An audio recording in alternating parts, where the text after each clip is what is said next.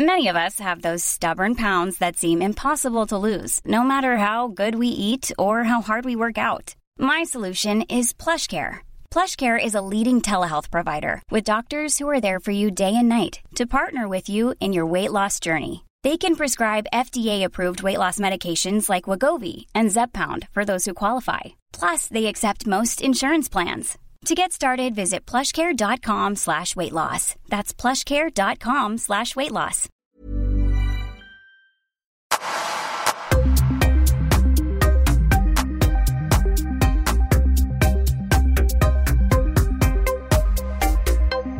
Brottarbröderna Lidberg, Martin och Jimmy, välkommen till Öppet sinne. Tackar. Tack så mycket. Jag börjar skratta lite här, för ni, det här är andra gången jag har två gäster i podden och jag är så, hur startar jag upp det här? Jag är så van vid att bara ha en person, och då är det så enkelt att bara slänga Ja. ut det där. Men välkomna, kul, att- kul att ha er här. Kul att vara här.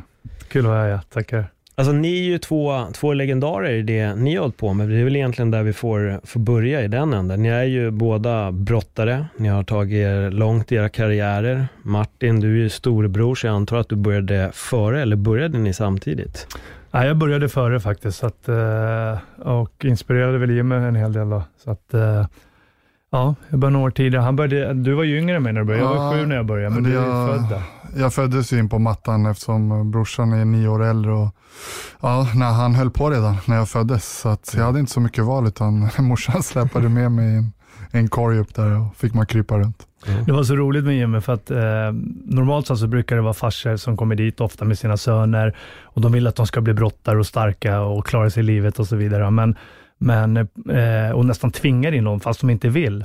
Men för Jimmy var ju tvärtom. Hans stora dröm var ju så att komma upp på brottarmattan som storebrorsan och få komma in där och brottas. Men hela tiden, nej du är för liten, du är för liten. Fick han höra hela tiden. Sen första dagen han fick springa in där, han var helt överlycklig. Vet du. Jag har aldrig sett honom så lycklig. Ja.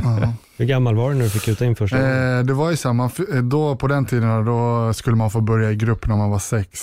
Så eftersom jag var där då redan från att jag var nyfödd i princip så var den här väntan väldigt lång. Eh, sen så kom tränaren fram till mig en dag och då var jag fyra och ett halvt. Och så sa han att när vi startar om sen på vinterterminen, då ska du få börja. Och jag, alltså jag kommer ihåg än idag faktiskt, det är ett av mina första minnen när jag fick vänta de där veckorna på jullovet där. Så att eh, jag fick ju till slut eh, ja, komma in där på mattan och vara yngst i gruppen då. Och då tänkte jag att eh, fan nu gäller det att sköta sig exemplariskt så att jag inte blir utskickad igen och får vänta tills jag blir sex. Så att jag var nog den bästa eleven de har haft det. Sen var det ju roligt att de här åren innan han blev fyra, då, då satt han och tittade när jag tränade jämt och med brottartrikå på sig vid sidan. Han hade alltid bara, så satt han där. Och så fick han alltid, "Nej, du är för liten Jimmy, du är för liten. Så att det är en bra motivationsfaktor att tänka på, faktiskt till föräldrar, att inte tvinga dem utan nästan tvärtom ibland. Nej, du är för liten, nej inte ännu, du måste vänta. Då, då föds det en glöd där inne, precis som du gjorde för Jimmy. Men en, en tanke där, du sa att du väntade, du, du började i januari då, om jag Mm. förstod det rätt. Ja. Den här längtan, vad var egentligen den starkaste längtan? Den 24 december och julklappar Mm. eller att få kliva in på brottarmattan i januari? Nej, det året var det att kliva in på brottarmattan. Det var- alltså den här, det var som Martin sa, där, att eh, jag hade ju varit där utanför så många år och suttit och kollat och liksom fått springa in så här när träningen blåstes av. Och så fick man vara där en liten stund, det var nästan som en sån här zon som så här, och helig mark liksom, du får vara här lite tag och sen bara plockar de upp en och bara, ah, men nu är det dags att gå hem liksom. Så att när jag väl fick vara där då hade jag den här känslan, är, är det okej att jag är här på mattan? Är det verkligen okej? Ska det komma någon och lyfta av mig snart? Så att, nej, den eh, julen var det nog mest brottningen jag tänkte på faktiskt. Så att, eh, Ja, det var ju en grym inre glöd som föddes där. Jag tänkte det var ju samma, så Jimmy var ju väldigt stor talang i fotboll. Så klubbarna här eh, runt om i Stockholm, de bästa klubbarna, ryckte igen. Han var med i stadslaget och var på vägen att knacka på landslaget. Så. Och eh, då var han ju där, när det var runt 14-15, vad han skulle välja. Om han skulle välja brottning eller fotboll. Och jag sa, men fasiken brorsan, välj fotbollen. Det är min, mer glamour, mindre slit, inga blomkålsöron. Fan, det här gör bara ont och slit, liksom, så att han, men eh, det gick liksom inte. Det satt så djupt rotat. Trots att han kunde bli hur bra som helst i fotbollen, så bara, nej, jag ska bli brottare, sa han. När han bestämde sig. dumt val i efterhand. ja, vad fan. Faktiskt. Du hade kunnat... Ja. Har du någonsin Ja. tänkt på det? Så här, parallella universumet, hur Ja. hade det sett ut med fotbolls-Jimmy? Faktiskt, det, det finns med lite i boken också där. Jag, jag funkar så som person att någonstans så när jag gör en uppgörelse med mig själv så så är jag ganska så här, eh, ja men jag bestämmer mig, då bestämmer jag mig ordentligt. Så jag var uttagen till junior-VM, det var första året som junior. Jag skulle fylla 17. Och då sa jag till mig själv att om jag tar medalj på det här junior-VM, då slutar jag med fotbollen. Men gör jag inte det så slutar jag med brottningen istället.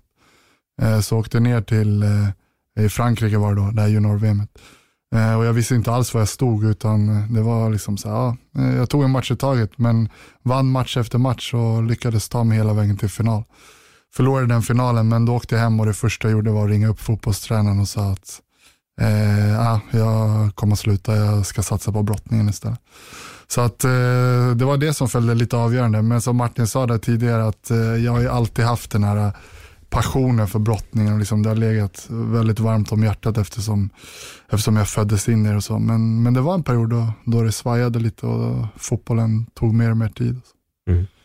Hur, hur, ser du på det idag? Alltså passionen till fotboll och, och brottning, bara titta på den. Ja, nej, det är ju mina två sporter liksom, som jag än idag följer mest. Liksom. Och sen MMA lite grann då, men Eh, ja, det är klart man tänker ibland så här, vad hade hänt om jag hade valt fotbollen? Mm. Och framförallt brukar jag tänka den här tanken att om man hade vetat det man vet om träning och den här uh, inre drivkraften som tog oss väldigt långt inom brottningen, självdisciplinen. För att många lagidrottare, det är en annan typ av kultur. Det är så här, ja, men gör han så gör jag lite. Hade man fått med sig den här kulturen som vi skapade inom brottningen och kunnat använda den på fotbollen så tror jag att Eh, då hade det kunnat gått långt för mig och det är många som, där ute som bör tänka på det. Att, eh, med den självdisciplinen som kanske en individuell idrottare har, man ska inte generalisera rakt av, men många gånger på, en, på ett annat sätt. Eh, den kan bli väldigt användbar i en sån idrott som fotboll. Så det är klart att tanken har kittlat ibland vad hade hänt om man hade valt fotbollen? Men... Då hade du inte suttit här och varit med i podden. Nej, kanske inte. Nej, men både jag och Jimmy som fystränare så, så, så har man ju tagit med sig det, det, just den mentala biten och den mentala inställningen när man jobbar med atleter och lag och Jimmy som är fystränare i Hammarby också. Då, så att, eh, men eh, ja, men drivkraften måste komma inifrån och man måste vilja lägga ner jobbet och det är inte alla som gör det tyvärr. De kommer en bit på, på talang då, men ska man lyckas hela vägen då är det då är det hårt arbete som gäller. Hur ofta stöter du på folk som kanske inte riktigt förstår att det är väldigt mycket hårt arbete som gäller? Väldigt ofta skulle jag vilja säga. Eh, en del har ingen, de har ingen kultur, de vet inte vad som krävs och hur mycket man behöver träna, hur hårt man behöver jobba, hur noggrann man behöver vara. Så många tror att det räcker med att träna tre, fyra, fem gånger i veckan och så tror man att de ska bli bäst i världen i sin idrott.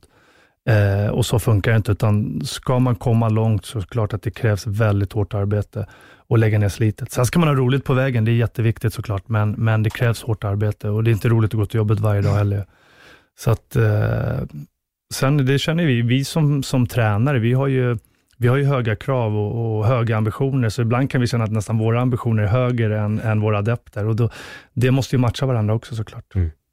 Jag tänker på, eftersom att du ändå låg några år före i din egen träning jämfört då med, med Jimmys. Vad var den första största utmaningen för dig idrottsmässigt?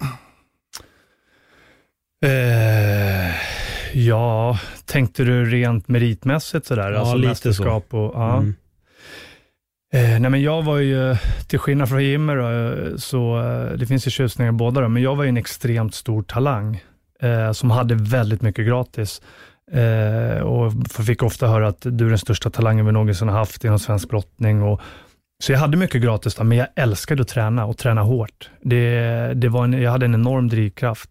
Men, eh, och sen hade jag mycket just det, explosivitet, styrka, det hade jag mycket gratis. Men då har vi motpolen och det är kondition. Och det blev ju min, eh, det blev någonting, en av mina svagheter som jag fick jobba väldigt mycket på under karriären. Och alla konkurrenter visste det att Martin, trött, får vi honom trött så, så, så går det att, att besegra honom internationellt de bästa i världen. Så jag fick jobba väldigt mycket. Det var en stor utmaning för mig. Och rent meritmässigt så var mitt första, jag slutade ju brottas där när jag var 14-15 år. Eh, jag kände, jag hade inte gjort något annat. Vi hade en ungersk tränare som heter Tibo Babos, en sån här öststatstränare som var stenhård, som hade som filosofi att man ska träna väldigt hårt i väldigt tidig ålder. Så jag, jag missade ju mycket av min uppväxt och var med polarna och så vidare. Jag tränade jämt. Det var träning och var det inte en tävling på helgerna så, så la han in något träningsläger. Och det gjorde att det blev för mycket, så jag slutade nästan ett helt år när jag var 14-15 år. Och sen så kom jag Så han ringde ju mig och nästan tjatade varenda dag. Martin, du måste komma tillbaka. Du, du kan inte slänga bort din talang. Du kommer bli världsmästare en dag och så vidare. Och jag tyckte han var skitjobbig. Och han och morsan gaddade ihop sådär. Men så tog det ungefär ett år och då sa han så här, men kan du inte komma ner och titta i alla fall? Så eh, okej, okay, jag åker ner och tittar. Så jag åker dit och tar tunnelbana från Farsta till Midsommarkransen. Går ner på klubben, så när jag sitter och tittar, då kommer Tibor fram och så bara pang, slänger min träningsväska framför mig. Då han och morsan gaddar ihop sig och säger så här, bara fasiken Martin, nu när du ändå är här och tittar, då kan lika vara med och träna, så. ah, Okej, okay, så att eh, alla hade sån respekt för Tibor, så jag, jag byter om där och så går jag in på mattan. Och så bara pang får de här dopamin och endorfinkickarna och jag bara känner, vad fasiken har jag gjort? Det är ju det här jag älskar liksom. Vilken idiot det är. Och från den dagen så, så eh, var jag fast. Liksom. Och då blev mitt första mästerskap, så jag blev uttagen landslaget och mitt första mästerskap var Europamästerskap, ungdoms-EM i Turkiet, Izmir. Och då hade jag varit borta lång tid, jag hade bara tränat några månader, men det blev mitt stora mål. Jag åkte dit och som enda svensk så, så eh, tog jag medalj och vann hela EM. Och då förstod jag, fasiken, jag har kapacitet.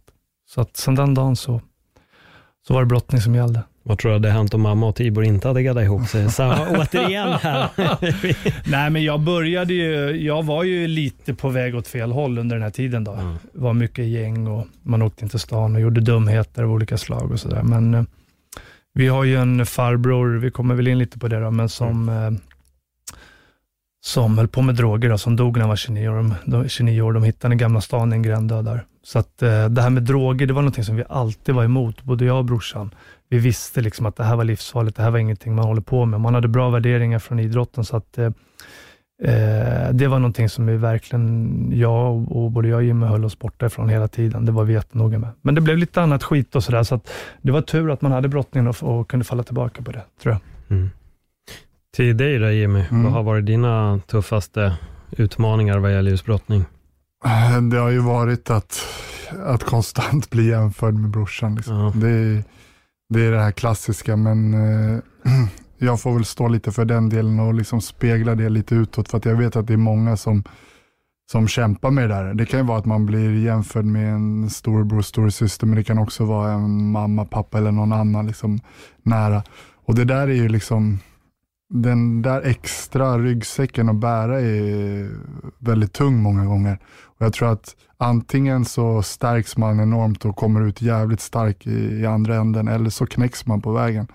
Eh, och de runt omkring är inte alltid så schyssta eller liksom, eh, kanske inte medvetet alla gånger, men det är liksom konstant så här. Jag fick ju jämt höra så här, ah, men du kommer aldrig bli lika bra som brorsan eller han hade gjort det här i motsvarande ålder eller fan du är inte lika talangfull eller lika bra. Alltså det var ju så här, de här rösterna som ekade runt omkring en konstant. Liksom.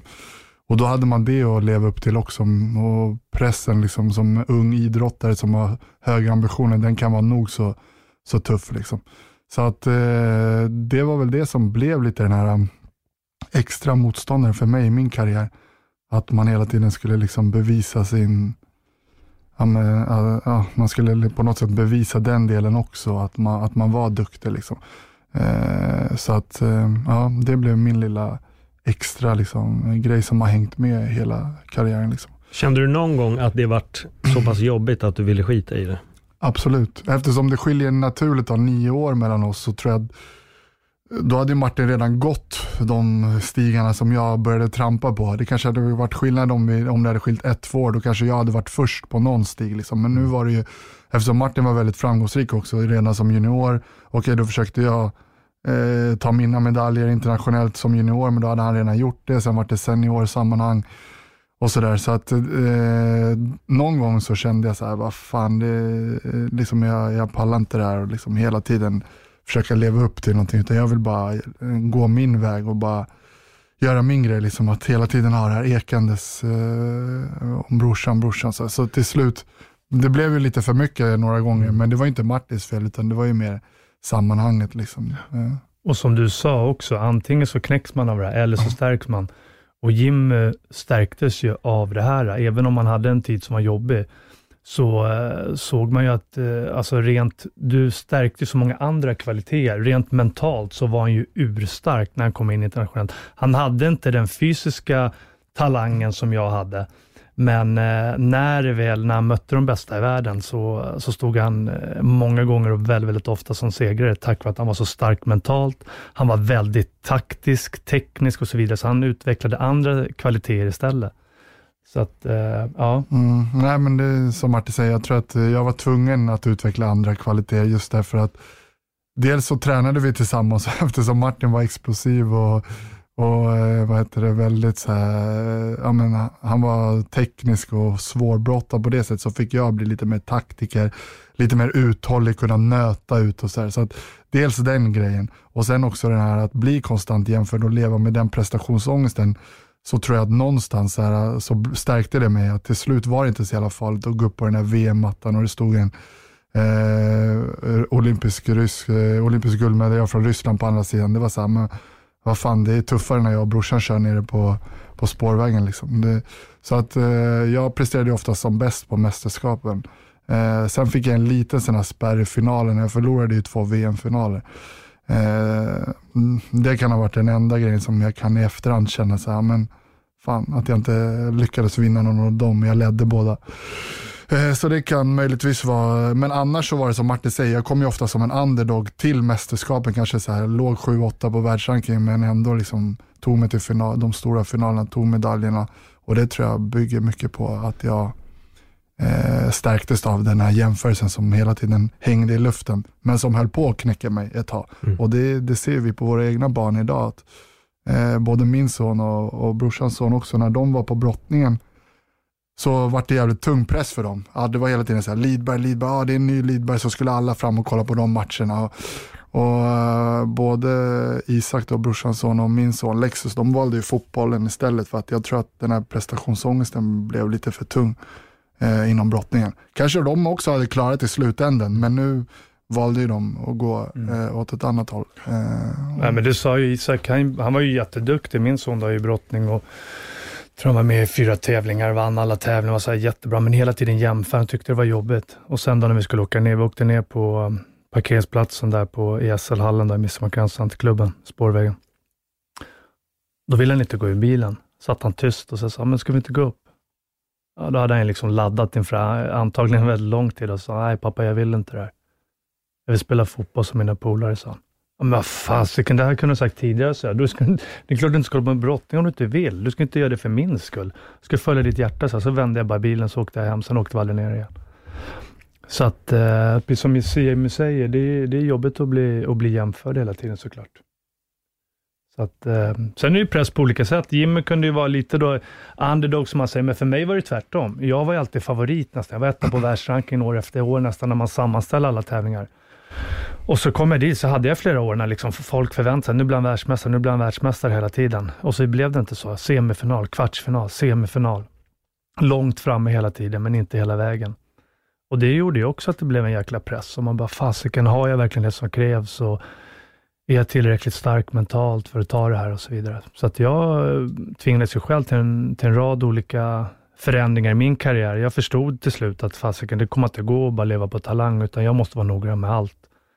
Och då när jag väl gjorde det så lyckades jag ju bli bäst i världen också. Då. Vad, vad var det som vände? Vad, vad gjorde du? Vilken förändring?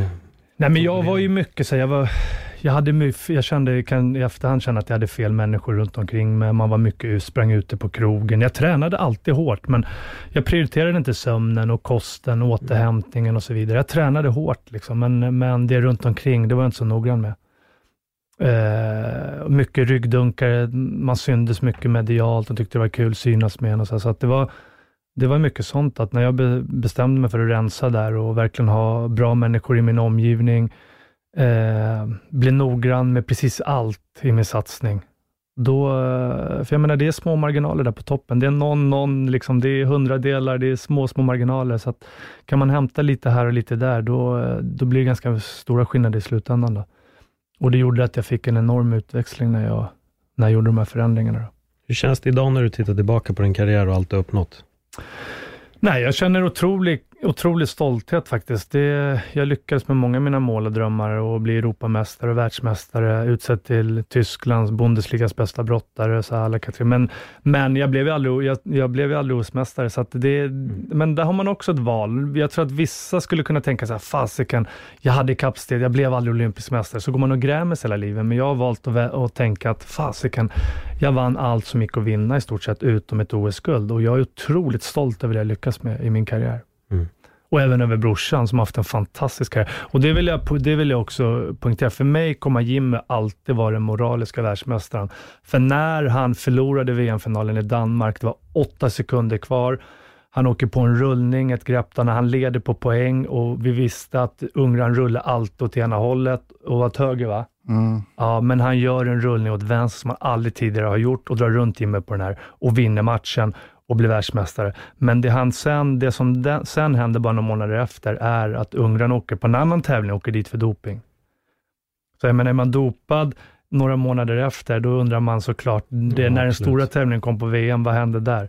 Mm. Så att för mig, är, att förlora mot en som har varit dopad och fuskat, det, för mig kommer han alltid vara den moraliska världsmästaren. Det vart en process där, hade det varit friidrott eller sådär, då hade han blivit av med guldet direkt. Men eftersom det var eh, på lag-VM då, några månader efter, han, han klarade dopingkontrollen på VM, men sen kissade han rött där då på eh, uh, lag-VM några månader efter.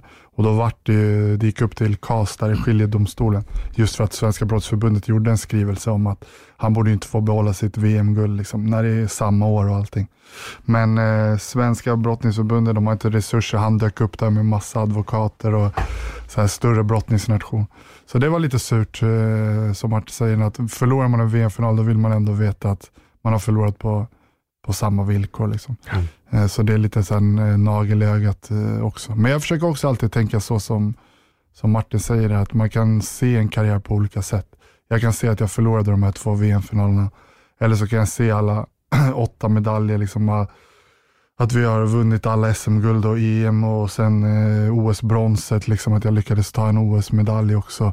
Så, eh, vi har varit rankade detta i världen båda två. Så att, eh, det är väl som med livet i övrigt, man kan se det från två håll. Mm. Och Ligger man och, och grubblar och, och ser det från det mörka hållet, då, det är inte så konstruktivt utan det, det, blir ganska destruktivt. Där hörde jag om Alexander Karelin, den ryska tungviktaren som är världens mest främsta brottare genom alla tider. Eh, han förlorade en match hela sin karriär och det var med Roland Gardner, en amerikansk eh, tuffing, sin sista match i OS i Sydney. Och då eh, läste han en intervju med, med Karelen och då sa han, sa han, att det går inte en enda dag i mitt liv utan att jag tänker på den här jäkla matchen, sa han. Mm. Och då har han vunnit allt som går att vinna, men ändå så går han och funderar på den här jäkla förlusten. Det tycker jag är fel fokus. Men det kanske är värre att ha vunnit allt och förlora sin sista match. Jo, men ändå. Du får lära dig den hårda läxan den sista dagen på ja, jobbet. Ja, precis, så, kanske det. så kan det vara. Men, men jag tänkte just, var, var, kommer det här ifrån? För det du är inne på, man, eller ni båda, alltså man kan antingen göra som Karelin och gräma sig över, över ett misstag, men ni ser ju ändå allting ifrån den ljusa sidan. Var, var kommer det ifrån? Ja. Nej, men jag tror mycket av, från vår uppväxt. Vi har ju en väldigt speciell uppväxt och bakgrund och det, det har vi skrivit om i vår bok som ges ut nu, av Brottarbröder, en fight för livet. Då. Vi har en missbruksproblematik, eller som vi säger, en missbrukargen i släkten, där många i vår familj har fastnat i trubbel och missbruk av olika slag. Då. Men använder man den här genen eller man har en diagnos eller vad det må vara och använder den på rätt sätt så kan det bli en enorm drivkraft. Och eh, när man har något form av missbruk så är det ofta de här dopaminkickarna man jagar. Och de har ju jag och Jimmy lyckats få genom att träna extremt hårt. Och vi kunde kanalisera den här uh, beroendegenen på någonting positivt. För det är så faktiskt, vi har ett val i livet och välja väg. Man kan inte alltid skylla på mamma och pappa eller på tränaren eller vi har den här genen eller den här bakgrunden, utan man kan faktiskt knyta näven och göra någonting positivt av det, som vi valde att göra. Mm. Ja, det är väl en av anledningarna till att vi skrev boken också. Att eh, kunna, om man kan hjälpa någon annan liksom, genom att berätta sin egen historia. Och vi höll, det, höll ju det hemligt under alla år, alltså när vi själva var aktiva. Just därför att, det, i alla fall i mitt eget fall, så kände jag att dels ville man inte lämna ut, man hade lite den här skammen att så här, hålla det inom familjen. Allt som hände med, med farsan och allt runt omkring och sen också att man inte ville skifta fokus utan man ville att brottningen skulle få vara den här fristaden liksom, där man kunde komma upp och, och som Martin säger kanalisera all annan ångest och det som man hade liksom, på övriga arenor. Liksom. Så att vi höll ju det hemligt tills, vi, ja, tills nu egentligen då, då boken kommer ut. Men jag tror att någonstans, för att återgå till din fråga, jag tror att man då tvingas eller man, man lär sig att, att man kan se eh, saker på olika sätt. Och att kunna, eh, att kunna se det på ett positivt sätt, liksom att komma till brottningslokalen, släppa allt det här jobbiga och mörka hemma och där liksom börja fokusera på små mål. Okay, jag ska utvecklas på det här området, jag ska eh, ta medalj på den här tävlingen. Så att på så sätt kunna strukturera upp livet och, få, och sätta små mål för sig själv. Det blir ju på något sätt att liksom så lära sig att fokusera mot någonting positivt. Så där är idrotten också väldigt bra, för allting blir väldigt konkret inom idrotten. Det är väldigt lätt att mäta. Att sätta upp små mål. Att så här, det, det behöver inte vara resultatmål, utan det kan vara utvecklingsmål. Att ja, men jag vill eh, lära mig det här greppet eller jag vill bli bättre på den här kvaliteten. Och, så här. och Det är ganska fint just med idrotten att eh, man får eh, någonting att drivas mot och man får eh, svar ganska så snabbt och någonting att kämpa för. Är det någonting ni fortsätter med idag? Just lite det du nämner nu, att lära dig nytt, att ja, fortsätta jag, utvecklingen. Jag försöker tänka så. Vi, vi pratade senast igår faktiskt, jag och Martin, om det att eh, eh det var också en grej med barnen. Då, så att, ja, men, eh, han var lite missnöjd för han gjorde en dålig prestation. Då kan man sitta och älta det så kan man tänka så här, jävlar skönt, vi har ju match nästa söndag igen, då får jag en ny chans. Liksom. Mm. Och det där tankesättet kommer ju lite från idrotten, att säga, ja men okej, missa den här tävlingen, okej, men då sätter vi upp ett nytt mål. Nästa tävling, nästa VM eller vad det nu kan vara. Eh, och det tror jag jag använder också i vardagen, att det är ingen idé att, man kan lära sig av det förflutna, men det är ingen idé att leva kvar i det, utan eh, vi ska ju framåt liksom. Och då är det här och nu som man kan påverka med vad som händer nästa sekund. Du kan inte tänka, eh, alltså du kan lära dig av historien men du kan inte förändra den utan det du kan förändra det är ju här och nu. Liksom. Att, för, för, det blev ju väldigt konkret. Vi diskuterade precis som du sa med, med våra söner och fotbollen och sådär. Och, och eh, det är inte alltid så lätt det där och hur man ska coacha dem, även om man jobbar med träning och så, men när man ska vara pappa samtidigt såklart. Eh, men eh, där, där min son där, Isak sa det efter en match, där, han tyckte han hade gjort en dålig prestation och han sa det, fasiken, jag gjorde en skitmatch. Jag är så jäkla knäckt. Den här matchen kommer aldrig komma tillbaka, sa han. Och då sa jag, vad fasiken, så ska du inte tänka. Han har ju en ny chans nästa vecka. Släpp det där. Du ska tänka tvärtom. Nästa vecka är det en ny möjlighet att visa vad du går för. Och sen var det så härligt när han sa, sen bara någon vecka senare, liksom, så, så hade han hade han gjort någon match där, så sa han, fan vad skönt, nästa vecka får han en ny chans. Liksom. Då hade det liksom bitarna fallit på plats. och vi diskuterade det där igår, då, och så även med Jimmy då, med Lexus, mm. eller med Lexus då, med sin son. Då. Mm. Sen är det så, man föds in i en familj där, det, där man haft föräldrar som har presterat och gjort och lyckats med vissa saker. Det är omedvetet, även om man inte vill sätta press på dem eller liksom, och älska dem för dem de är och så vidare, inte utifrån vad de presterar såklart, men så blir det omedvetet. De hör och de märker och så vidare. Så att, eh... Det är faktiskt eh, det där jag tänkt på många gånger, det som Martin sa där. Just det här, eh, vi är inne lite på det här med prestationsångest och sådär. Att mycket är liksom själva kulturen på gott och ont. Man ser att ja, men många som kanske har varit framgångsrika inom något område får eh, framgångsrika barn som kanske går i samma fotspår, men det är också många som man inte ser på vägen som har mått jävligt dåligt. Och Det är den här miljön runt omkring. att jag som pappa försöker tänka många gånger på att här, inte sätta press, inte komma fram och prata liksom, eh, varför slog du inte den där passningen istället för den där och så där. Men det är liksom hela miljön. De har ju fötts in i det här. De har hört liksom, ja men farbror han är världsmästare och pappa han är olympisk medaljör. Och, och man pratar, alltså vi är högpresterare.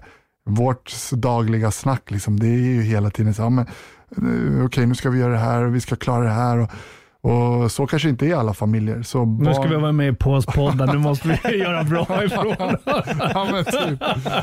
Så Det där är så undermedvetet hela tiden att man går runt och så här, eh, ja, men försöker förbättra sig själv hela tiden och, och vara den bästa versionen av sig själv och, och utvecklas och, och allt det här med framgång och så här. Så, så på gott och ont. Men eh, det är jävligt svårt alltså när man, eh, när man är inne i den kulturen själv, nu när man är, är förälder och så här att det inte slår över liksom, och blir någonting negativt. Ja, för vi pratar ju om det också, efter när våra söner har precis spelat, det är inte så bra att ta upp saker direkt efteråt, utan liksom, för då är man berörd känslomässigt ibland, kanske oavsett om de har gjort en bra eller dålig, att man kan diskutera efteråt och sådär. Och det är som du säger, det är inte, ibland gör man och säger fel saker, man är inte mer än människa. Mm. Och jag vet vid ett tillfälle, min son var på träningsläger och när han brottades. Och så var jag med som tränare, det var massa folk där, det var, kom från hela landet folk. Och så skulle de göra någon, någon, eh, någon grepp där och jag sa, men det är ju helt fel, så där kan du inte göra, liksom, sa jag till honom.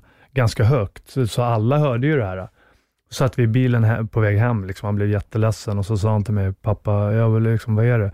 Nej, men du skämde ut mig inför alla människor där. Du sa så här och så här inför allihopa. Jag, och liksom, jag vill inte ens åka tillbaka hit imorgon, sa han. Och då bara kände jag, fasiken, vilken idiot jag är. Alltså, hur kunde jag säga så där? Så att, men eh, ibland slänger man ut sig grejer som man inte tänker, liksom, som är känsligt också. Så är det absolut. Det kan jag tänka mig. Det måste ju vara svårt. Det när jag hör, det, det är klart det blir svårt. Det är väldigt lätt att sitta vid sidlinjen och tycka, men gud vad konstigt. Men samtidigt mm. i stundens hetta så är det klart att man kan ibland slänga ut någonting mm. som kanske inte är, man menar det riktigt på det sättet. Nej, det låter precis. värre än vad intentionen kanske är. Mm. Om man säger så. Ja, precis. Och sen kan det ju vara alltså många som tror att, alltså runt omkring också, som säger, ja men Eh, Eh, ställer höga krav och sådär bara för att ni själva har. Men som sagt, många gånger kanske inte är det, utan det kanske är just så att det är hela sammanhanget. Liksom. Det går inte att radera ett sammanhang, det går inte att radera vårt DNA. Vi är ju som vi är. Liksom. Eh, jag jobbar ju på Hammarby, vi hade faktiskt en, ett prat om det här med Zlatan en dag när han var där nere. För han var ju hos oss ganska många veckor med, han, med hans söner också. Han sa också det att liksom, Oavsett om han tar ett jättesteg bak, liksom, var de än kommer, det här är till och med alltså det är på en annan nivå, då, men var de än kommer så är det så, ja, men det är Zlatans söner, det är Zlatans söner och sådär. Och de har någonting att leva upp till och, liksom, och hela hans sammanhang med hur han pratar och agerar och är mot andra människor. Allt smittar ju av sig. Så det spelar ingen roll att de kanske ber han säga så, ah, men lämna sönerna liksom så här, nu när de spelar match, liksom, ta ett steg tillbaks, eh, sätt det liksom högst upp på läktaren. Men det här det finns runt omkring hela tiden. Mm. Så att eh, ja, det är väl, eh, jag tycker det är intressant för de som klarar det och kan liksom så här, hantera det, de kommer att bli väldigt framgångsrika inom det området. Men sen finns det som sagt väldigt många tror jag som, som faller av pinnen. På. Men det var ju något tv-program om det där, jag eh, minns inte vilken kanal det var på, men just om barn som försöker gå i sina föräldrars mm. fotspår, mm. hur tufft de hade det genom livet mm.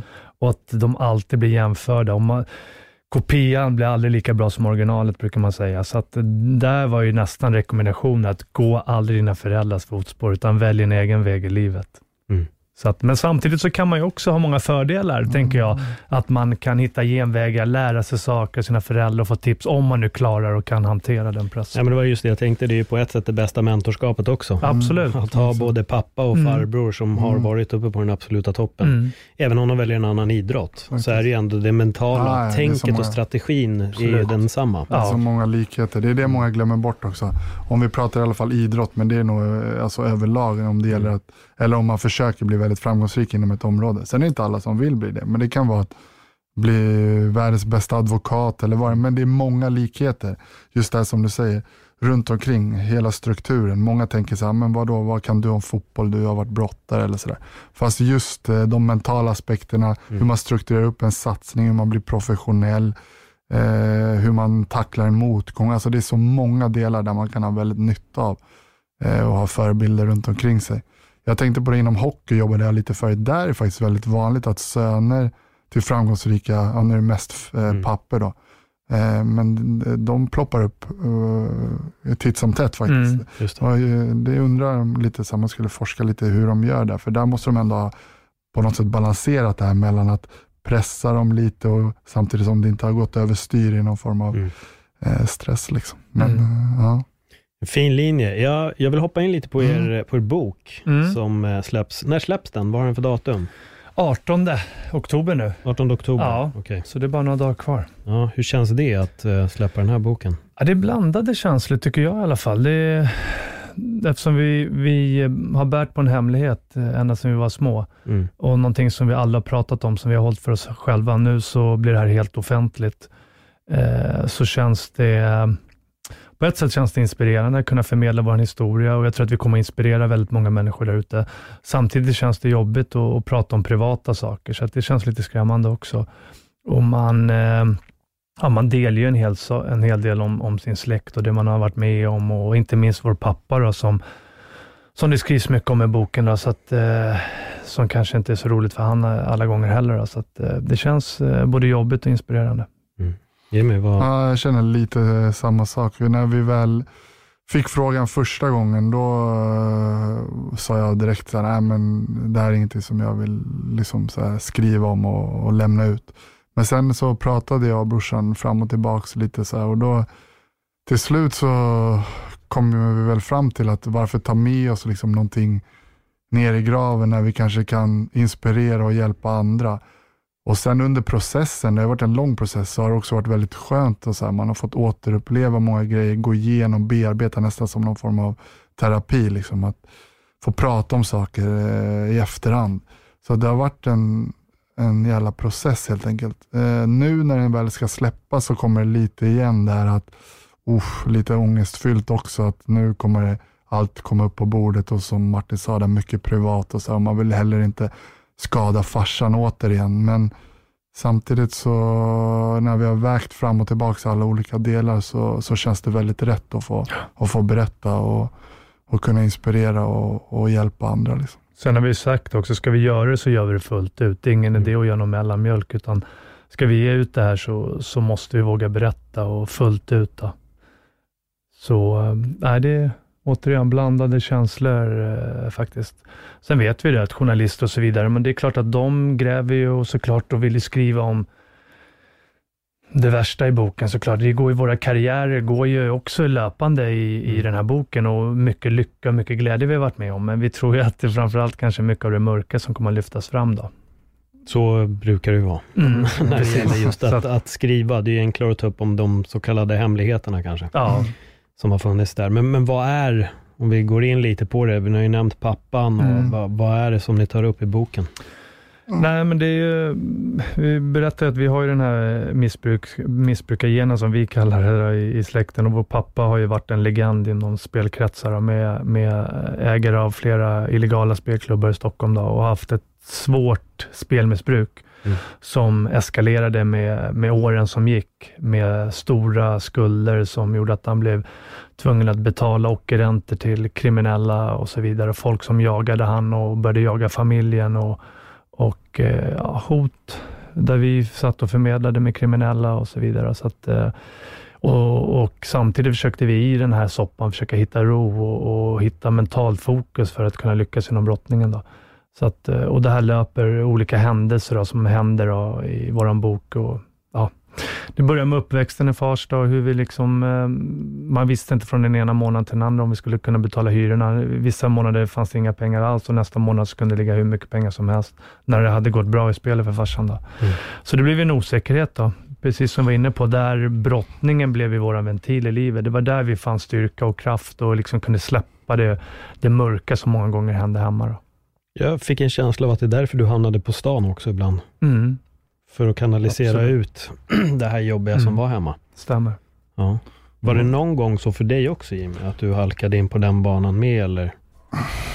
Ah, kanske inte lika mycket så som Martin. Jag, jag hittade väl ganska tidigt att idrotten var liksom där jag kunde kanalisera det. Mm. Men eh, sen har det ju Alltså det har passerat väldigt många som har valt fel väg, liksom, eh, både genom brottningen och andra polare man haft. Och hade jag inte haft den här tryggheten med brottningen så hade det kunnat gå illa för mig också. Men jag tror att jag stod lite stadigare i idrotten redan från början. Eftersom jag föddes in i det och liksom fick lära mig någonstans indirekt att ja, men här är liksom en väg som kommer funka, som inte kommer ta dig till den andra sidan där, ja, där pappa är eller där, där våran farbror var eller sådär. Så att eh, på så sätt så var nog idrotten, jag förstod nog in, undermedvetet väldigt tidigt att så här, ja, men det är här du ska vara om det inte ska gå åt helvete. Liksom.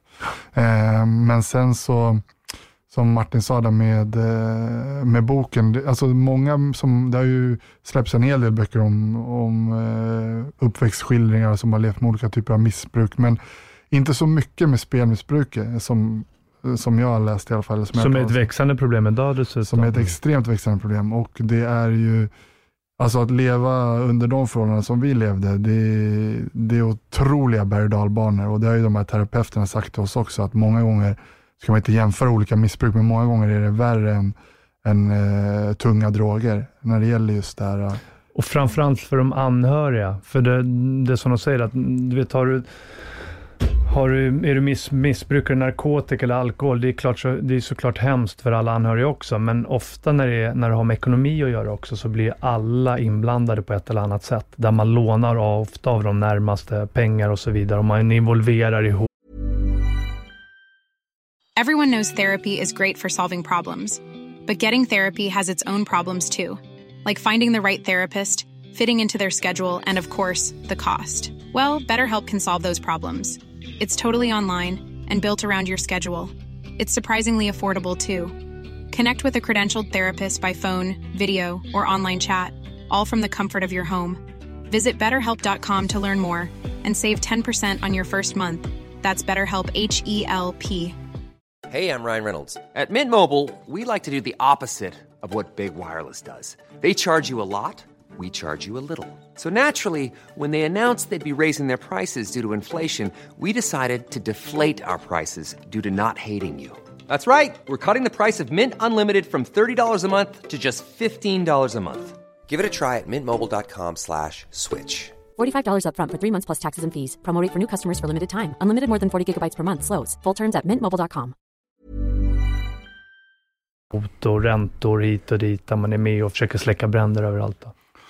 Och, ja, precis. Och det var ju liksom den här fasaden att allting var glitter och glamour utåt. Farsan var lite liksom spelfadern, han drev svartklubbar. Han är ju väldigt känd i undre världen liksom, sedan många år tillbaka och drev de stora svartklubbarna här i, Stockholm. Men eh, och hålla uppe den här fasaden att det skulle vara Rolex-klockor och det skulle vara glitter och glamour när man visste att nästa sekund hade vi inte ens råd att betala hyran. Andra sekunden stod det någon kriminell och knackade på dörren. Alltså det var den här osäkerheten som alltid liksom, det gick upp och ner, upp och ner och det är den känslan vi förmedlar i boken och berättar om hur det var. Liksom, men att brottningen då blev liksom fristaden där. Och så får man följa med liksom under åren och de här två röda trådarna löper parallellt lite. Så det är så boken är uppbyggd. Och det här kan man ju liksom oavsett vad det är som är tufft för en eh, i uppväxten så tror jag att man kommer känna igen sig på många punkter och också kunna få tips och inspiration mm. hur, hur, vi hanterade det. Hur, hur, gammal var du när det här började?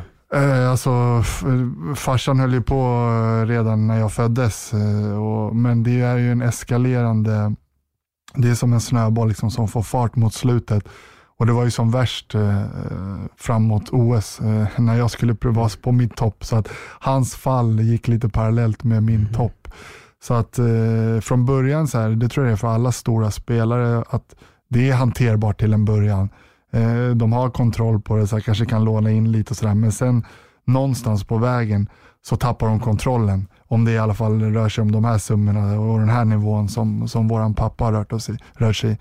Så eh, när han tappade kontrollen någonstans i början på 2000-talet där så gick det väldigt fort och eh, framåt 2010-2011 där eh, då, ja det är ett under att han ens överlevde eh, den perioden. Det kan man läsa mer om i boken då, men eh, allting som hände de åren och samtidigt så skulle jag in på min livsviktigaste tävling, OS i London 2012. Eh, och jag gjorde ju mm jag blev ju själv, och det tycker jag är en väldigt viktig aspekt som jag tror många kommer att intressera sig av för boken också, att ofta så skriver man hela tiden om den som har missbruket, men här också så kan vi förmedla bilden av hur det är att vara anhörig. Och jag blev ju själv medberoende, vilket jag inte förstod själv, men vilket psykologerna berättade för mig. Martin, du åker samma berg och som din farsa, upp och ner.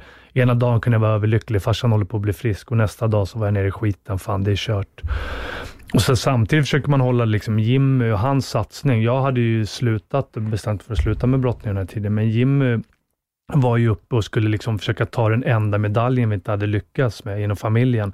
Och Jag hade sagt till Jimmy att jag ska göra allt för att stötta dig. Att vi, vi ska ta den här OS-medaljen till, till, eh, till familjen. Och Man får följa Jimmys resa under den här tiden fram till OS, men också hur det här eh, missbruket eskalerade och hur jag var runt överallt och träffade kriminella och, och konsthandlare och alla möj, möjliga folk som hade pengar, där farsan hade lånat, men där vi också försökte få loss pengar för att kunna betala kriminella personer och så.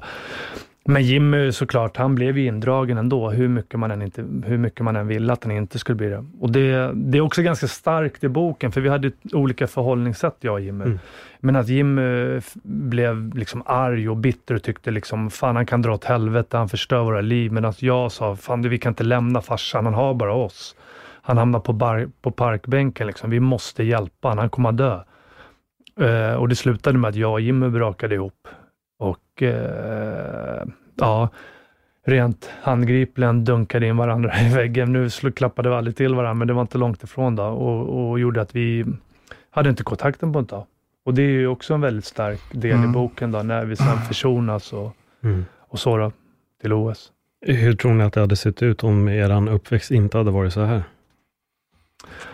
Ja. ja, den tar vi upp i boken också. Det säger fars, faktiskt farsan också. Att, tror ni att ni hade varit världens bästa brottarbröder om ni inte hade haft mitt skit med er, sa han i mm. bagaget. Så, att det, så kan det ju vara, även om man inte önskar någon så här. Men mm. så tror jag att det har format oss väldigt mycket också. Eh, vi har inte haft någonting gratis så på det sättet, då, utan eh, vid sidan så fick vi kämpa. Mm. Eh, så att, eh, ja.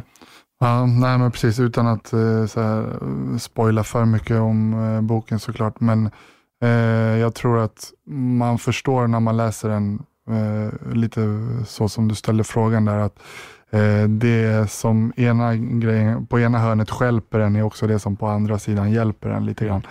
Att hade vi inte varit med om alla de här grejerna så tror inte jag heller att vi hade blivit så pass starka där inne på brottarmattan. Och, och det är just den där, den där motsatsförhållandena som är så intressant. Att eh, Oftast de som kommer från tuffa uppväxter, att de eh, blir väldigt framgångsrika inom tuffa idrotter till exempel. Det är bara att kolla på alla kampsporter. Eller... Maskrosbarn som ja. man brukar säga. Mm. Men det vill också lyfta, alltså, det är viktigt också att skilja på person och ett missbruk. Vår pappa kunde göra hemska och förjävliga saker mot människor i sitt missbruk. Men som människa så är han världens finaste människa med världens största hjärta. Som liksom ger sina sista pengar till en uteliggare och, och så fantastiskt. Men, men har man ett missbruk, det är som vilken, eh, man pratar om narkotika eller vad som helst. Man, eh, man förändras i sitt missbruk då. Men när mm. personen är frisk eller mår bra så är, är det ofta väldigt fina människor bakom det här missbruket. Hur är det idag? Jo, han har ju han har ju kämpat... Inte för mycket kanske. Uh, nej, men han får ju kämpa. Farsan får ju såklart, han har ju tagit sig upp på fötter. Mm. Han, varit spel, han har haft något, något återfall, där, men han har varit spelfri fri nu några år. Mm. Eh, vad vi vet i alla fall. Eh, och eh, nej, men Han kämpar, men det är, det är ingen idag som att han har hot eller folk som jagar Allt det har, har vi lyckats eh, tillsammans allihopa och, och reda ut.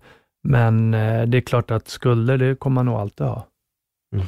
Ja, när det är på den nivån som, som det har varit för farsan så är det, liksom, det är ingenting du, du bara läser sådär. Så han krigar och, och fortfarande försöker traggla sig runt och beta av och sådär. Men eh, det var väl också en anledning att det kändes rätt att skriva boken nu. Att det har gått några år sedan den värsta soppan. Liksom. Det har lagt sig. Eh, vi har fått lite distans till det och det har varit en lugnare tid. Liksom. Eh, och då, då känns det ändå som att det var rätt tid att, berätta och, och, släppa boken. Jag hade inte kunnat gjort det 2013 eller sen när det var precis liksom, mm. då var vi fortfarande mitt uppe i det, även om det var som värsta 2011, 2012. Men då var det fortfarande folk som jagade farsan och det ringde på nätterna och så här. Men nu, som sagt, har det gått år, några år och det, det har lugnat ner sig. Så att, Ja, men... Eh... Sen är ju pappa, alltså han är ju en fantastiskt duktig konsthandlare. Erkänd i, i hela Sverige. Så att det är så också han genom åren kunde finansiera sitt spel då, innan det gick överstyra. Mm. Så att eh, där är han ju väldigt duktig och han jobbar och sliter, han kämpar. Jag tänker på det här med att hålla fasaden uppe och dölja hemligheten om man säger så. Var det någon ni släppte in i den liksom hemligheten när ni var yngre? Så lite nära vänner och sådär, det är klart att det går inte att hålla alla ute helt och hållet. Men jag tror att det är ganska många som ändå kommer bli förvånade. Jag, under den här tiden så levde jag med barnens mamma till exempel. Och jag vet många gånger att jag liksom gick ut när det ringde och så här.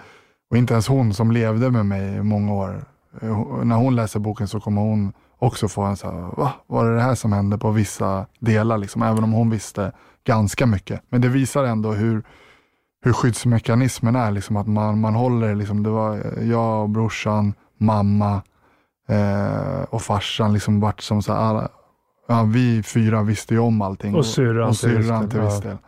Eh, men, Men- annars så, så höll man nog alla de andra utanför så mycket det bara går. Och Mm. journalister och så här, när någon ställde någon fråga, så här, men vi har hört att er farsa eh, driver den här svartklubben som polisen sprängde. Eller det var någon gång det kom så här frågor.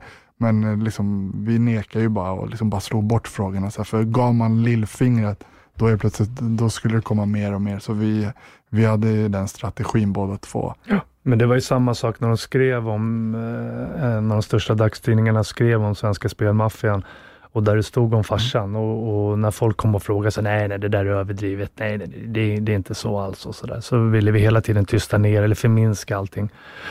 Och sen ville man ju hålla, det är klart att saker man, som folk mår dåligt av, det ville man ju inte, det ville man ju inte förmedla vidare. Så syrran, vi berättade ju inte allting för henne och vi berättade inte, så som Jimmy säger, för våra, närm, för våra flickvänner och fruar och så. så att det, även om de visste mycket så ville man kanske inte att de skulle veta allting. Då. Men det måste ju ha varit ruskigt jobbigt.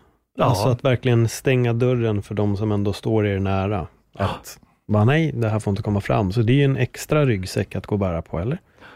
Ja, det var, det var, det var, det var faktiskt det var riktigt jobbigt många gånger just det här att gå och bära på det och kanske inte ha någon att prata med. Mm, bara hade man haft någon liksom, och bara få berätta och prata om sina känslor. Och, men återigen, där tror jag brottningen betyder så otroligt mycket. Liksom. Man gick ner på brottarmattan, man kunde gå ner, gå ner med världens ångest, man gick som man hade, kände som man hade världens tyngsta ry- ryggsäck med sig ner på brottningen och så gick man ner och så bara kämpade man och krigade och man hade ilska, man var ledsen, man hade så mycket känslor och så gick man därifrån och då bara kändes man hade tömt hela den där jäkla ryggsäcken. Den var kvar på klubben och man mådde mycket, mycket bättre när man åkte därifrån. Så där återigen, det, det blev vår ventil och balansen i livet, brottningen. Så jag tror att den, den räddade oss. Men hade man vågat prata lite mer kanske med dem runt omkring, lite vänner och så här, så kanske det hade hjälpt egentligen om man tänker tillbaka.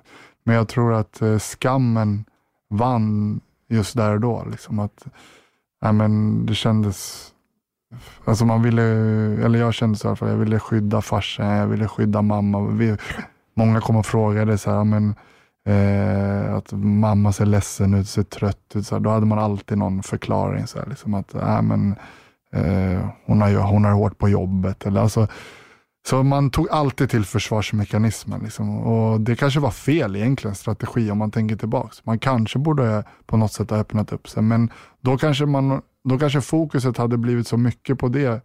Så eh, att man inte hade fått ha brottningen som, som sin ventil. Liksom. För då hade det helt plötsligt de här världarna blandats upp. Så jag tror att det var på något sätt eh, ett medvetet val som kanske var liksom så överlevnadshjärnan som tog någonstans. Att, att eh, håll det här inom er ni som redan vet, liksom, för att få lugn och ro på de andra arenorna. Liksom. Sen tror jag också, det är en bra fråga Paul, men jag tror också att om vi hade kanske kunnat varit bättre på att diskutera tillsammans, du och jag Mm. och kanske mamma, syrran, så hade ju det hjälpt till väldigt mycket tror jag. Men på något sätt så förnekade man, det var någon förnekelse av något slag och man Mm. ville inte själv ta upp det till ytan, för det var så jobbigt att prata om. Det var bättre liksom att och, eh, försöka förtränga och förneka och, och inte ens tänka de tankarna. Så, men så gick man och bar på allt det där själv istället. Så att, ja, där tror jag verkligen Mm. vi hade kunnat dra mer nytta av Mm. varandra.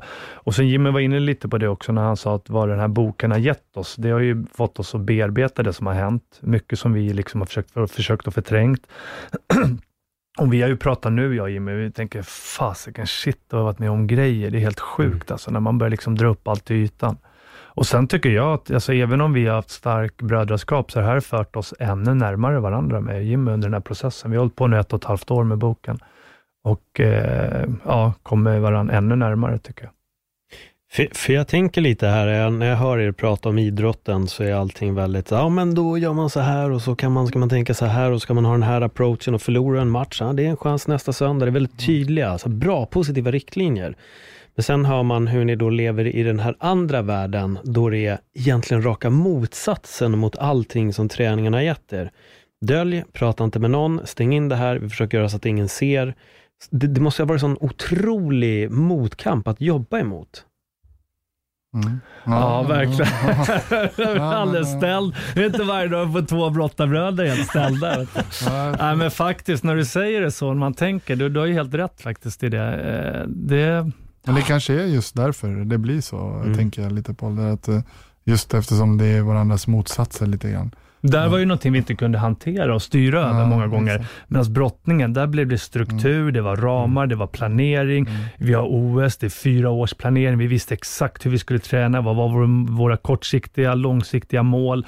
Så att eh, det här med struktur, ramar, planering, allting. Medan i, i det här andra, vi visste ju aldrig vad som skulle hända. Varje gång det, det ringde på telefonen så ryckte man till i kroppen. Liksom, har det hänt farsan någonting? Vad är det nu som har hänt? Och så vidare.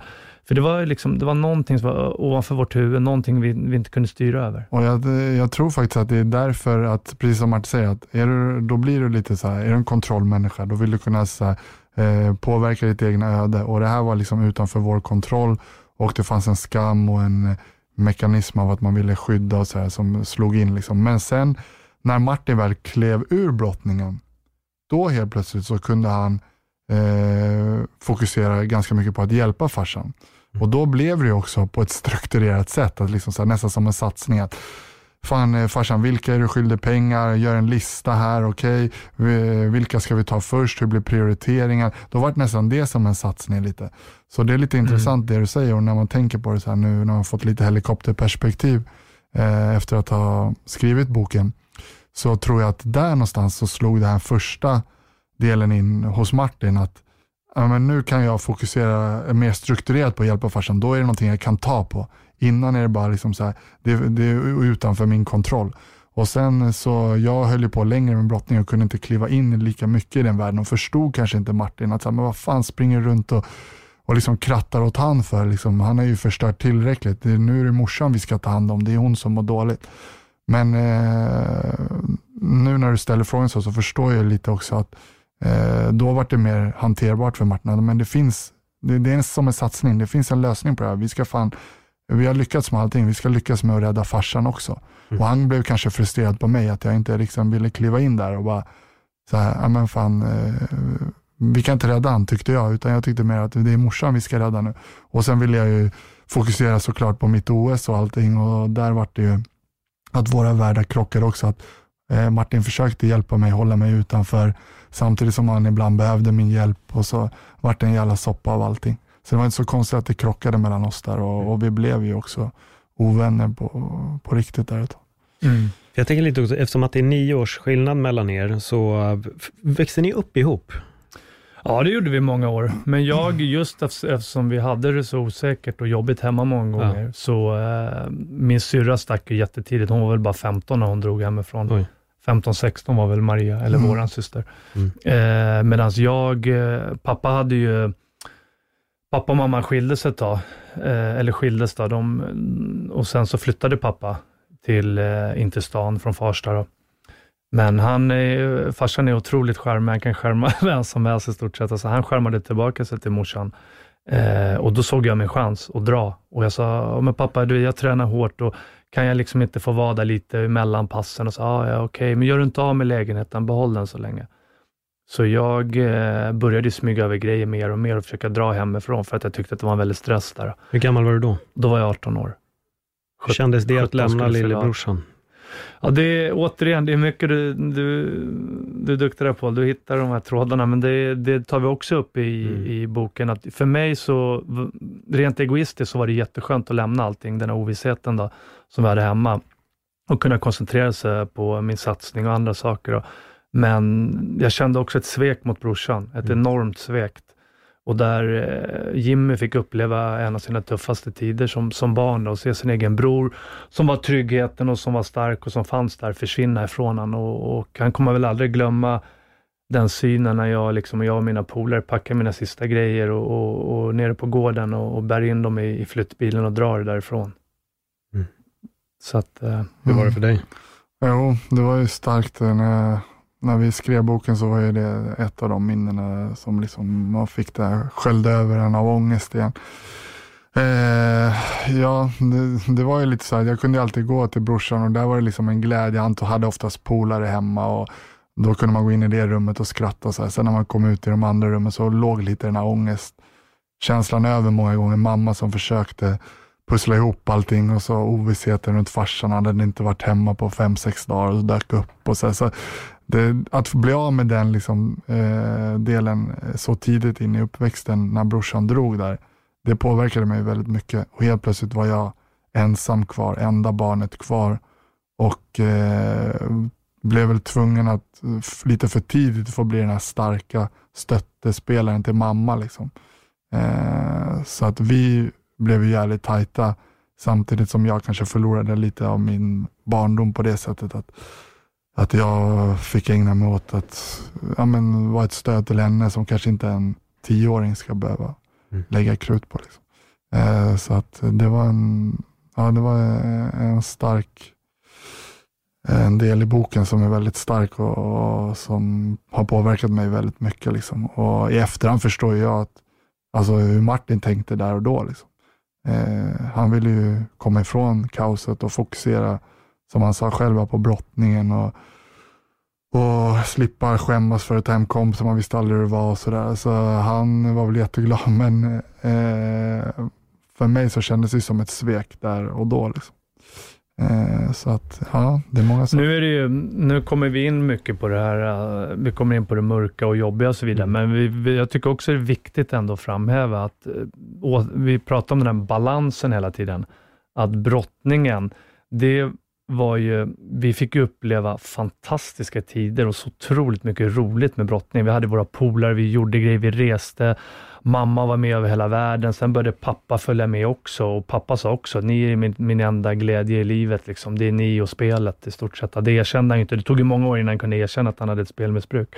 Men eh, så att, och det går ju parallellt med Jag tycker att det är en bra balans i boken också, där man ändå får ta del av den glädjen och våra framgångar på brottamattan och där vi reste över hela världen och liksom morsan och, och ibland och ofta farsan då, fanns med på tävlingarna. Och, och på våra framgångar. Så det är mycket glädje också. Även om det här eh, vi pratar nu om de tunga bitarna, så har vi upplevt otroligt mycket roligt också.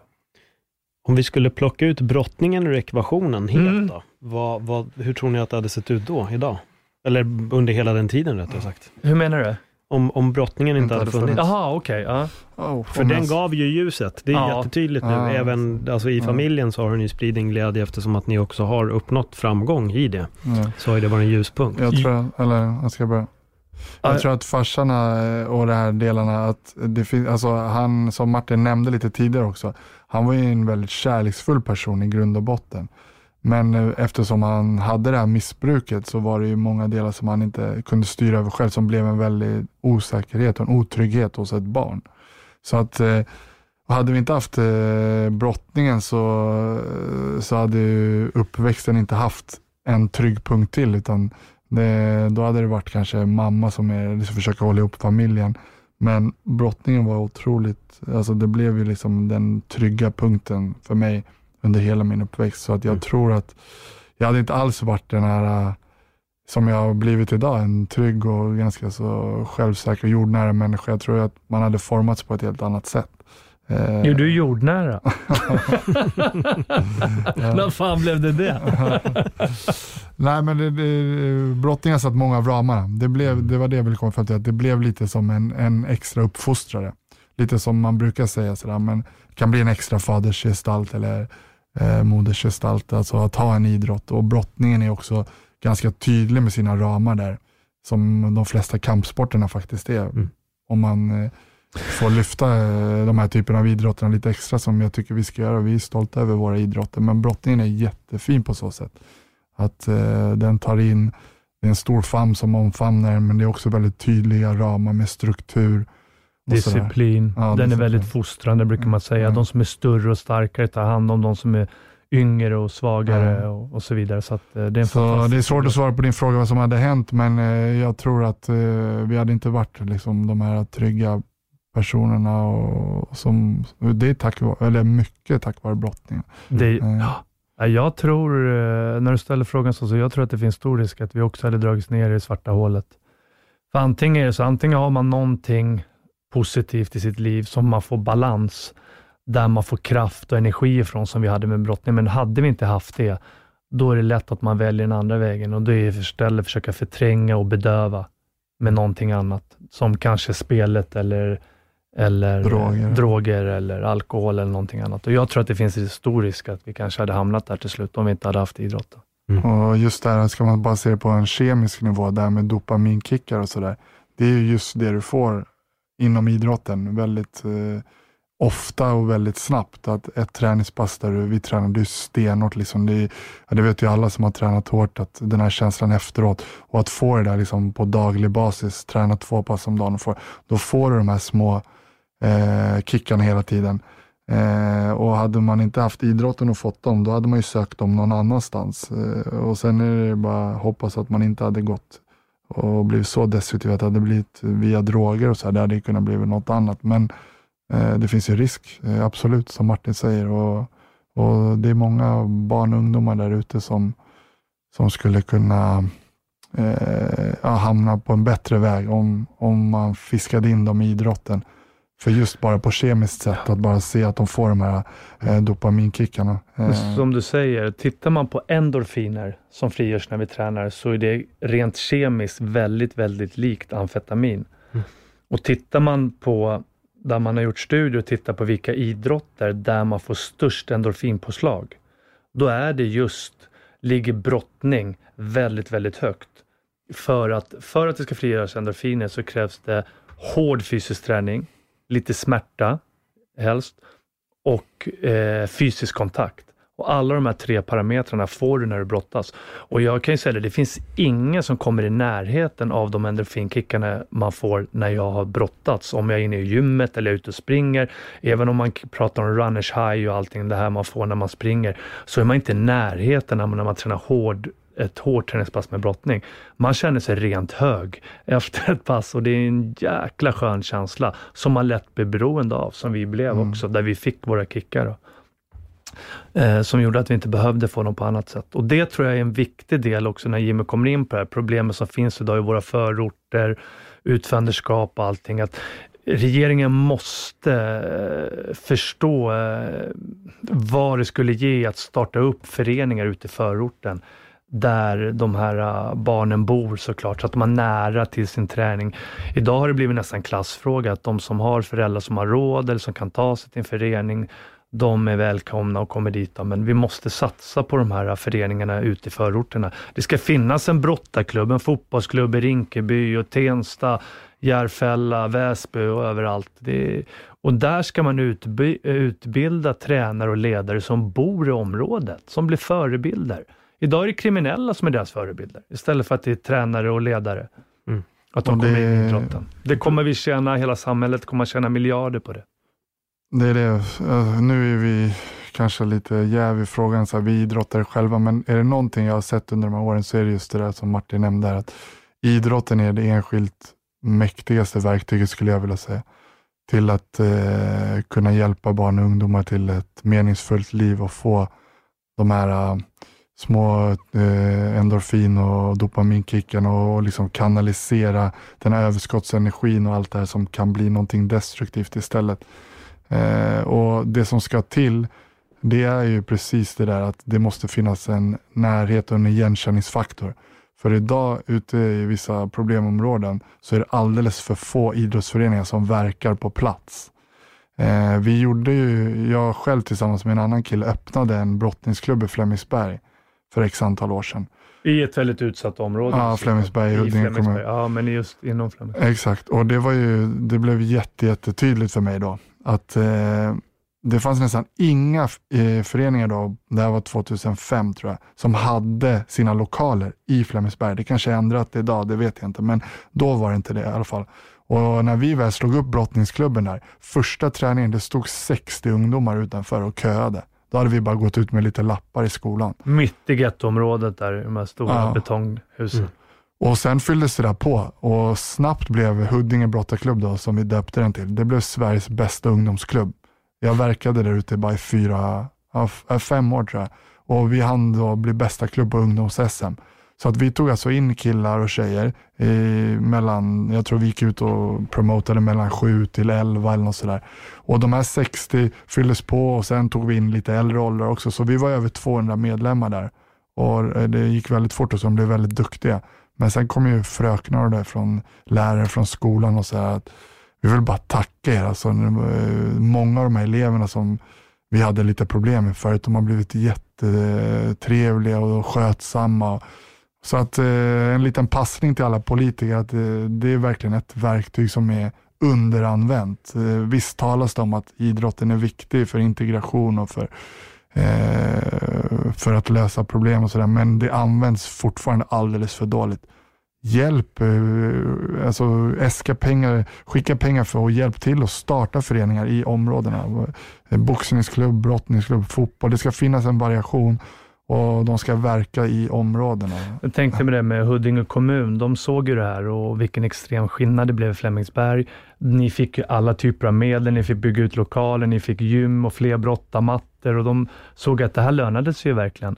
Och det som var så intressant, när jag pratade med både Jim och sen med Neno som var med och startade den här klubben, då, så var det att när de kom ner, de hade ingen struktur eh, i sin vardag, eh, många av de här ungdomarna. Då, och de kom ner, de visste knappt hur man tittade varandra i ögonen, hur man hälsade, de kunde inte respektera varandra.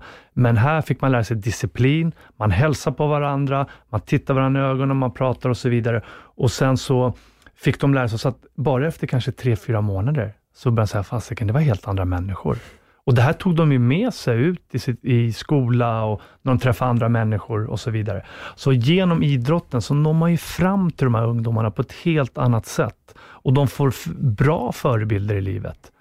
Eh, och, och alla är jämlika i lokalen, så det spelar ingen roll vilken religion eller mm. vilken sexuell läggning eller vad det nu än är. När du väl är där inne i, i, i omklädningsrummet, eh, på brottamattan, då är alla jämlika. Liksom. Och det, eh, ja, där släppte ju jättemycket och det har jag och brorsan själv varit med om om man tänker tillbaks.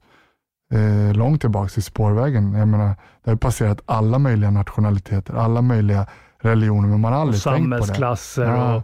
Man har bara tänkt det som, som personer. Liksom. Ja, men, eh, eh, det är han och det är han och så här. Och man har liksom inte funderat på det. Det har, det har varit sekundärt, utan man har sett varandra som människor, som medmänniskor och, och, som vänner. Vi hade ju när vi växte, det var ju turkar, greker, det var araber, svenskar. Det är ju en väldigt invandrartät eh, idrott, brottning. Då. Så att, men man tänkte aldrig på det. Vi blev som bröder, vi var ju jättenära. Man tränade varje dag, man kämpade tillsammans, man gick igenom motgångar och framgångar tillsammans och vår tränare var väldigt bra på det. Så han sa att här pratar vi bara svenska. Alla ska förstå varandra. Ingen ska tro att man snackar skit om varandra. Här är bara svenska tillåtet. Så att vi blev ju som en stor familj och alla accepterade det. Så att där har man mycket att lära utifrån samhället. Men återigen, som Jimmy säger, en passning till våra politiker, verkligen satsa på idrotten och ute i våra förorter och satsa på att utbilda tränare och ledare som bor i området, som blir bra förebilder. Då kommer det se helt annorlunda ut i framtiden. Det är jag säker på. Jag får mm. hoppas det. Det är kaos på många håll mm, och hörn ute. Så jag hoppas verkligen att det blir en, en stor förändring. Jag har själv delat med mig min egen podd. Jag har en lillebror, hade en lillebror som det är samma åldersskillnad mellan, mellan er, nio år, men han blev skjuten mm. 2016. Oj. Det har jag tagit upp i min egen podd. Så jag håller med om allt ni säger. Det måste lyftas, det måste bli andra förebilder och det måste hända någonting. För just Beklagar nu så, verkligen Paul, det tack. Visste, visste jag inte För just nu är det bara statistik på statistik på statistik på, på brottsoffer istället, ja. vilket bara är tragiskt. Mm. Mm. Och det har ju fått gå, eh, det hade varit, alltså hur längre det går desto svårare är det såklart att komma till rätta med allting. Verkligen. Och det är det jag menar också att redan, det här var 2005 när vi startade i Flemingsberg där. Huddinge kommun såg då, bara på den lilla grejen, att det gjorde skillnad. Mm. Men vad har hänt sedan 2005? Äh, åker jag ut till många av de här så kallade eh, problemområdena, jag gillar inte ordet, men oavsett de här områdena, som har de fått hjälp? Har det startats eh, idrottsföreningar? Liksom, det, det, känns som att det går för långsamt. Och som du säger, eh, nu ser det illa ut.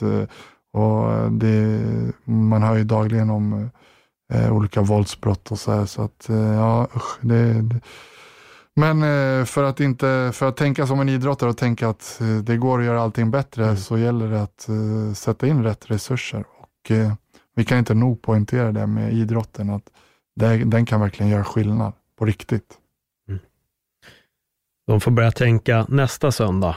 Då slänger vi in en idrottsklubb istället Exakt. för nästa söndag får de Mhm. en chans igen. Så nästa söndag så finns det en idrottsklubb. Om vi slutar på en liten ljusare Mm. så här, ton i det här avsnittet. Garva så, lite. Exakt. Ja. Nej, men om vi börjar med, med framtiden, vad, vad händer? Hur ser det ut för dig Martin? För du är en kille som alltid verkar ha 15 järn i elden. Vad, Nej, men det är massa roligt som händer faktiskt. Jag eh, ser otroligt ljus på framtiden. Eh, Jag öppnar två träningsanläggningar Mm. där vi kommer att vara med och utveckla morgondagens stjärnor inom olika idrotter. Allt från individuella idrottare till lagidrottare. Så de första två anläggningarna öppnar vi ute i Bromma, mittemot Bromma Blocks. Det ska bli superkul, där vi både kommer att testa och träna idrottare då, i den fysiska träningen. Sen så, ja vad är det mer? Sen kommer ju boken här nu och Ja, det, det rullar på projekt efter projekt, men just det, det, det är mitt fokus nu. Då. De här träningsanläggningarna eh, som vi öppnar, Gritness då, och sen så boken då. Mm. Ja, jag är också många hjärnor. Mångsysslare. Ja, för fasiken. Man undrar hur många timmar man har på ett. Nej, Jag jobbar ju då med Hammarby fotboll som fystränare. Det är min, eh, min grund i vardagen eh, när det gäller yrkesbiten. Samtidigt har jag eh, tillsammans med två andra startat igång hälsokostbutiker de senaste sex åren. Och vi har växt ganska snabbt. Så nu har vi två e-handelsportaler. Många som känner till oss säkert, eh, naturprodukter.se och holly.se. Sen har vi en butik här på Hornsgatan och öppnar en butik till nu på Fridhemsplan. Sen har vi en, ett 600 kvadratmeter stort e-handelslager i Rimbo då, där vi packar alla paket till våra sajter och sen har vi även en butik där. Så att tre butiker och två eh, e-handelsportaler och sen Hammarby. Eh, och sen har jag även jobbat lite med hockey faktiskt vid sidan om. Och så här. Det är många som eh, har kommit och frågat efter, eh, jag gjorde det några år och sen har det liksom blivit ringa på vattnet och hjälpt några eh, som har tagit sig väldigt långt. Det var faktiskt några som blev draftade nu och sådär, så det är kul. Så att det, det är ett litet sidospår, men just nu så tar det mesta av tiden, den går åt till företagen och till eh, Hammarby då. Eh, och sen så... Men det tror jag också, just det här med den röda tråden som idrottare, att man är, man är, tidigare presterade man på, på idrottsarena, Mm. men nu så försöker man prestera som entreprenör eller företagare som jag och Jimmy, så att man Mm. har tagit med sig otroligt mycket från idrotten i livet som, som, som företagare. Jag brukar skoja när de säger det också, så här, men hur fasiken hinner du med allting? Så här, men, ja, fan, det här är ju ingenting. Innan så tränade man två pass om dagen. och ska man kolla på hur högt pulsen var uppe då och dra något genomsnitt där så är det här ett lågt tempo. Ja, och man hämtade ungar och man hade företag och man jobbade. Så att eh, det här är rena rama semestern brukar jag Ja. säga också. Så att, eh, nej men otroligt roligt att, att få leva, leva upp till ja, Mm. sina drömmar och mål. Nu blir det lite adderingar med lite media och så här med, när vi släpper boken, här, Mm. Brottarbröder, en fight för livet. Så vi får, den delen har varit lite tuff att få in i kalendern. Så nu ska vi lägga till en grej till, men det är samtidigt kul och det är några veckor nu, nu framåt. Så jag hoppas att den blir väl mottagen när den kommer ut i, i bokhandeln här på söndag. Va? Vad har vi nu? Det är Nyhetsmorgon på söndag. Ja, Sen ska vi till God kväll i Umeå på tisdag va? Och Efter, sen har vi efter, Malou där eh, efter tio, ja, och efter fem, efter fem. lite tidningar och poddar. Tidningar vi träffar en del. Och... Så det är kul. Det är kul, så, Ja, att, så eh, det är roligt. kan nå ut med historien och Men du vet nu, vi blir, så- nu är det här i början, så nu har vi energi på när vi sitter här och att snackar. Du vet. Ja, du vet, sen kommer jag så jävla trött att snacka om det här sen. Balansen, återigen, vi får gå ner på brottarmattan Ja. och köra. Nej men fan, när vi kör, då kör vi. Alltså. Ja, ja. Det är lika bra. Ja, men det är det ni är kända för också. Ja. Att alltid ha, ha varit eh, full fart framåt med, med det ni har gjort. Ja, men det, jag måste bara säga, det har varit en, en eh, jävla ära att få dela det här samtalet med er. Men vi, du och jag har ju faktiskt Mm. suttit i tidigare sammanhang och stämmer. pratat när du kom hem från OS. Men Martin, det är första gången som jag officiellt träffar dig. Ja. Eh, och jag har ju liksom följt er båda och dig har jag ju läst om sedan jag var liten också. Så har alltid varit Lidberg, Martin Lidberg, Martin Nilsson, Jimmy Lidberg, nu jävlar. Så Kommer det- en till jävel. Ja, exakt. Nej, det var jättetrevligt att komma hit Paul och in, vi följer ju dig också med Ja. MMA och UFC och allting. Och när du sitter och är väldigt duktig och kommenterar. Så att, eh, det har varit fantastiskt roligt att vara med och få träffa dig också Ja. personligen. Så. Tack så Kanske. mycket. Tack. Ja. Jag tar ju inte för givet att folk vet vad jag gör, så när jag pratar med dig, om jag kommenterar MMA, jo men fan det vet jag, jag lyssnar ju på, jag bara, okej, okej, ja men då så. Bra. Ja, det är kul att vara här. Ja, men stort supertack. När den här podden är släppt så äh, finns boken ute i handeln, så jag rekommenderar folk att bara köpa den. Jag ser verkligen fram emot att få, få läsa den själv och få reda på allting som jag inte fick reda på idag, eftersom att ni inte vill spoila hela boken, förståeligt. Såklart. Så det ser jag absolut fram emot. Vi ska väl ge, bjuda på ett ex till Paul va? Signerat också. Det är klart. Fan autograferna också, det är de man har velat ha- komma åt hela tiden. Det är de man har suttit här och har trott. suktat på. Ja, det är klart vi ska fixa det Paul. Jag förstod att du inte ville nämna det, men det ordnar Det ser jag fram emot. Signerad av, av båda. Absolut. Eller en bok från varje. Får jag kopiera den sen och sälja ja. en på auktionen. Precis. Jag känner en konsthandlare som kan.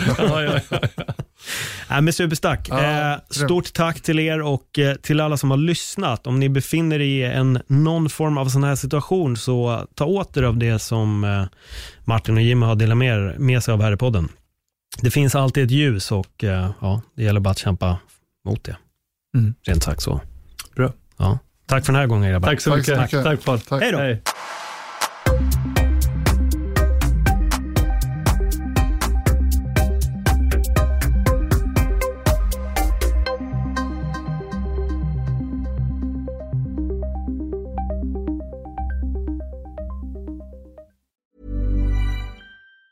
Planning for your next trip? Elevate your travel style with Quince. Quince has all the jet setting essentials you'll want for your next getaway, like European linen, premium luggage options, buttery soft Italian leather bags, and so much more. And it's all priced at 50 to 80% less than similar brands. Plus, Quince only works with factories that use safe and ethical manufacturing practices. Pack your bags with high-quality essentials you'll be wearing for vacations to come with Quince. Go to quince.com slash trip for free shipping and 365-day returns.